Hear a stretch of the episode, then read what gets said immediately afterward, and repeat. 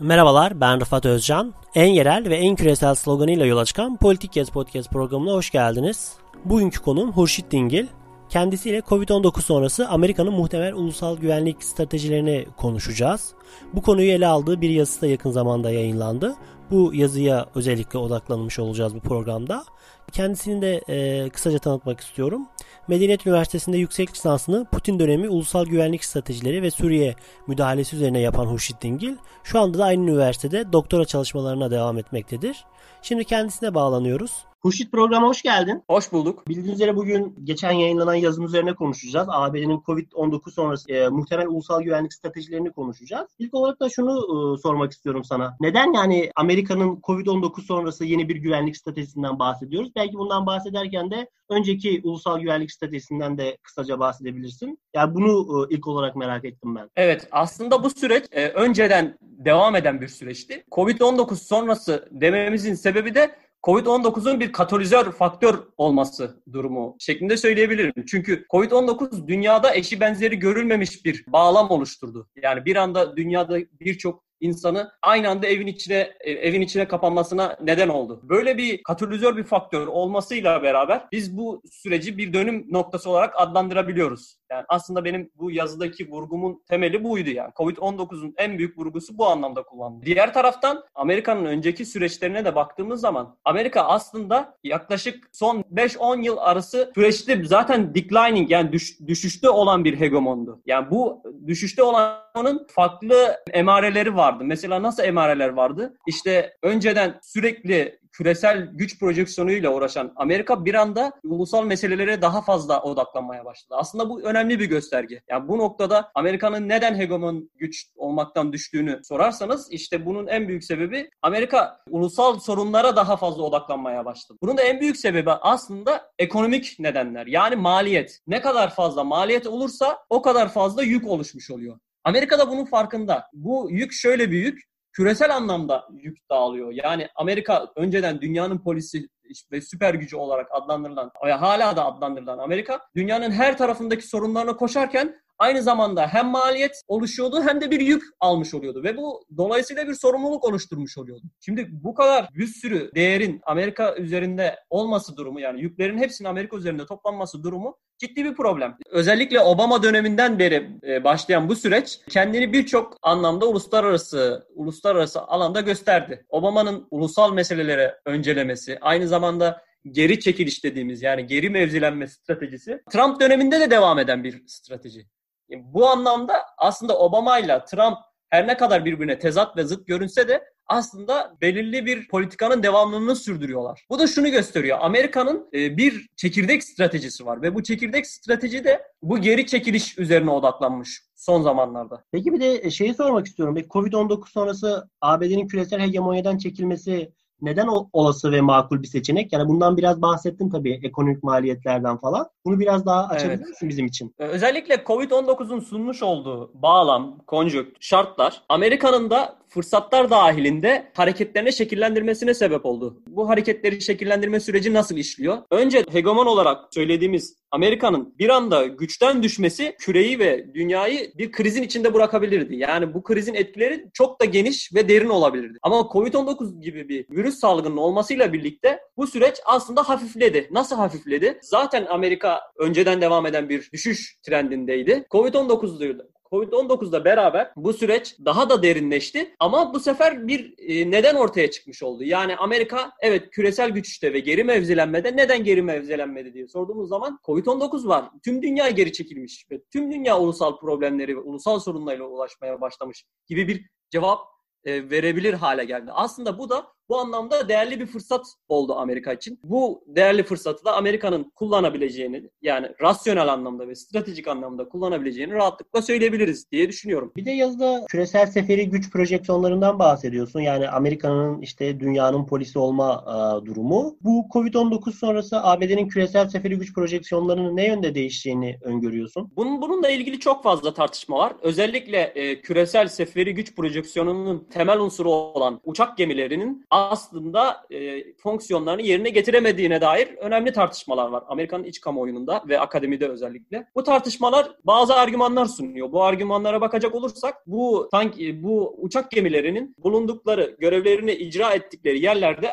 çok fazla tehlike ve riske açık olduğu durumu. Yani küçük bir bot ya da e, daha hızlı ve hareket eden askeri bir araç devasa büyüklükteki uçak gemisine zarar verebilir. Tabi bunu değerlendiriciler de görebiliyor. Böyle bir tehlike ve risk durumu da ister istemez Amerika'nın özellikle askeri karar alıcılarını bu tür güç projeksiyonunu sorgulamasına neden oluyor. Bir diğer konu ise teknolojinin hızlanması ve gelişmesiyle beraber kullanılan araçların esnekliğinin ve hızlılığının artması. Uçak gemilerinin hantal bir araç olması durumunda karşısında da esnek ve hızlı araçların hızlı araçlara karşı saldırılarda savunmasız hale gelmesini yol açıyor. E bu anlamda da küresel güç projeksiyonlarının e, azaltılması, bunun yerine farklı bir tür e, küresel güç projeksiyonlarının yapılması öngörülüyor. Ya tartışmalar bunu söylüyor ve muhtemelen de uygulamada da bunu göreceğimizi düşünüyorum. Gerçekten de çok makul bir seçenek ve gerekçe. Şimdi bir bir başka konuda yine yazıya döneceğim. Yazıda yine stratejik bağlantıları kesme stratejisinden bahsediyorsun. Bu nedir? Öncelikle bu stratejiden bahsedebilirsen çok sevinirim. Sonrasında da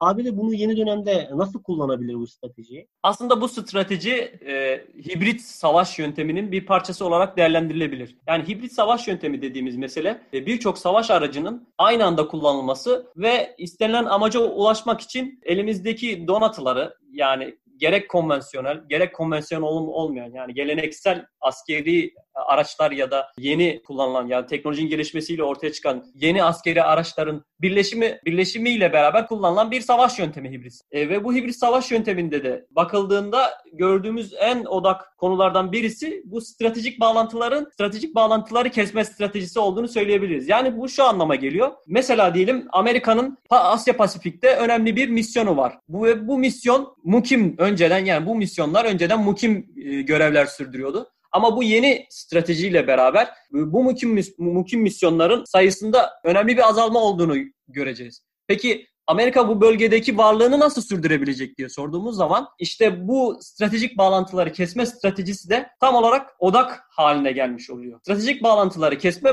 stratejisi bölgedeki rakiplerin özellikle ana karaya yani onların ana lojistik üslerine olan bağlantılarını kesme üzerine şekillenen bir strateji. E, onların e, e, ihtiyaç tedarik sistemlerini bozma üzerine şekillenen bir strateji. Böylelikle Amerika ana karadan yani deniz aşırı bir güç olan Amerika ana karadan deniz aşırı çıkarlarını bu yöntemle koruyabilecek. Bunu da sağlamanın en büyük yolu işte bu hızlı ve esnek çevik askeri teknolojiler ve araçlar yoluyla. Peki bu anlamda kullanabilecek en önemli yöntemlerden ya da sistemlerden birinden bahsedecek olursak bunun adı da C4ISR diye bir teknoloji. C4ISR şu anlama geliyor. Yani C4 dört tane unsurdan oluşan bir şey esasında. Yani Computer, Communication, Command, Control gibi dört tane önemli unsurun bir arada ol, olduğu gibi aynı zamanda Intelligence, Reconnaissance yani keşif ve gözlem, Surveillance bu gözlemi de bir, bir arada tutan bir e, yöntem. Biz bu yöntemi ilk defa nerede gördük diye sorarsak ilk defa olup olmadığı e, konusunda tam olarak bir şey söyleyemem ancak e, biz bu yöntemi İran İran'ın Şii Milis Network'ünün başındaki Kasım Süleymani'nin öldürülmesi operasyonunda gördük. Bu anlamda bu operasyon bölgede Amerika'nın yeni stratejilerinin nasıl olacağına dair önemli bir emare barındırıyor. Yani Kasım Süleymani gibi İran'ın çok öncelediği ve önemsediği e, bir profilin Amerika'nın deniz aşırı bir şekilde Kasım Süleymani'yi öldürmesi e, ve tüm karma kar, karışık faktörler ve coğrafi şartlar içinde Kasım Süleymani'yi kilit bir şekilde öldürmesi aslında çok önemli bir operasyon ve örnek teşkil eden bir operasyon. Yani bundan sonraki süreçlerde görebileceğimiz bir operasyon türü aslında. Yani bundan sonra Amerika'nın bölgesel çıkarlarını koruma adına e, sürdürebileceği baskın bir yöntem olacağını rahatlıkla söyleyebilirim. Peki şimdi şeyden bahsettin bu Kasım Süleyman'ın öldürülmesinden ama daha öncesinde de böyle iki tane büyük e, operasyon hatırlıyoruz. Biri yine 2010'lu yılların başında Obama döneminde olmuş Usame Bin Laden operasyonu. Yine e, diğeri de yine Trump döneminde geçen yıllarda olan işin başındaki isim olan Bağdadi'nin öldürülmesi. Bunlar da e, senin bahsettiğin yöntemle öldürülmedi mi? Yani aslında bu e, uygulanan bir yöntem değil miydi? E, bunu, bunu sormak istedim. Aklıma bu geldi şimdi sen onları anlatınca. Aslında C4ISR yöntemi ilk defa Kasım Süleymani operasyonuyla kullanıldığını söyleyebilirim. E, neden bunu söylüyorum? Çünkü bundan önceki operasyonlar sizin de söylediğiniz gibi Bağdadi'nin ya da Taliban'ın öldürülmesi operasyonlarındaki yöntem ağırlıklı olarak askeri güçler üzerinden yapılıyor ve daha çok kara askeri güçler üzerinden sürdürülen bir operasyon. Elbette onlarda da uydu görüntüleri e, senkronize bir şekilde kullanıldı. Teknoloji teknolojinin tüm imkanları son seviyede kullanıldı. Ancak orada işi bitiren kısım e, karadaki askeri unsurlar. Yani özel bir kuvvet e, bu operasyonu sürdürmek üzere görevlendiren karadaki askeri unsurlardı. Ama Kasım Süleymani'nin öldürülmesi operasyonunda çok e, enteresan bir nokta var. Havaalanında birçok insanın içinde öldürülüyor. Siz de fark et, e, ettiyseniz. Yani bu da şu anlama getiriliyor. C4ISR te- dediğimiz teknolojinin en kritik özelliklerinden birisi yapay zeka üzerine e, oluşmuş bir teknoloji.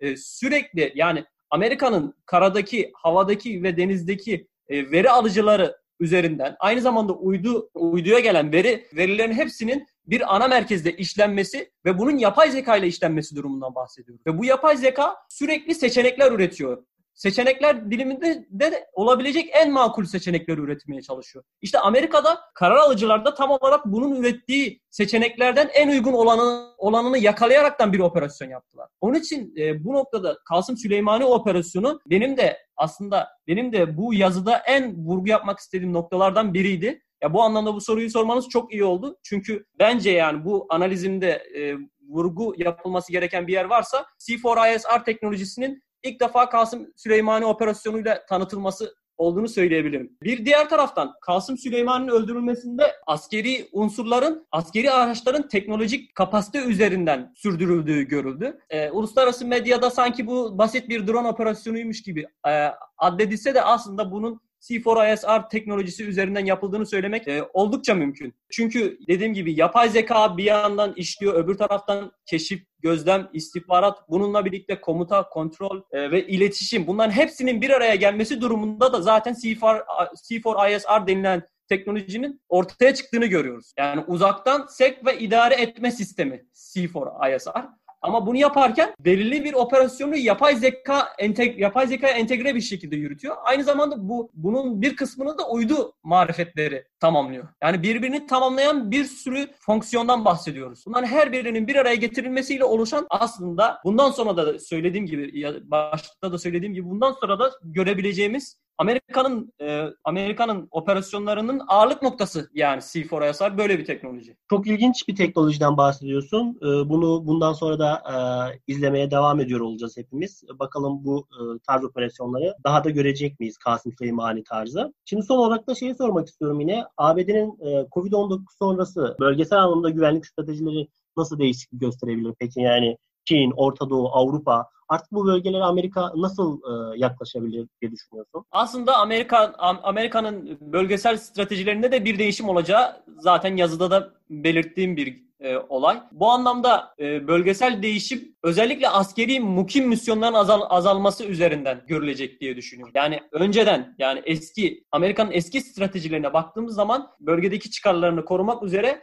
e, mukim askeri misyonlar tayin ettiğini görüyorduk. Ama bu yeni dönemde özellikle Covid-19 sonrası dönemde e, mukim askeri askeri güçlerin sayısında azalma olacağını düşünüyorum. Bunun yerine Amerika şöyle bir eğilimde olacak. Bölgede daha çok önemsediği ve öncelediği pivot güç dediğimiz ülke olabilir. E, onlar buna partner diyor. Partnerler şeklinde. Yani bu aslında şu da değil. Yani proxy de değil bu bahsettiğimiz mesele. Çünkü Amerika'da buna yönelik tartışmalar da var. Yani artık proxy'lerin proxy dönemi yani vekalet döneminin bittiğini, bunun yerine partner dönemi başladığına dair önemli bir tartışma var. Bu anlamda Amerika'nın bölgesel stratejilerinde de bu değişimi biz göreceğiz. Yani daha çok partnerler üzerinden işleyen bir bölgesel Amerikan dış Amerikan ulusal güvenlik stratejisinin olabileceğini söyleyebilirim. Mesela nasıl olacak? Özellikle bölgedeki olası rakiplerinden bahsedersek işte Çin, Rusya gibi güçlere karşı Amerika bölgede kendine yakın, daha güvenilir, daha şeffaf, daha ölçülebilir partnerler arayacak. Ve bu partnerler üzerinden bu bölgesel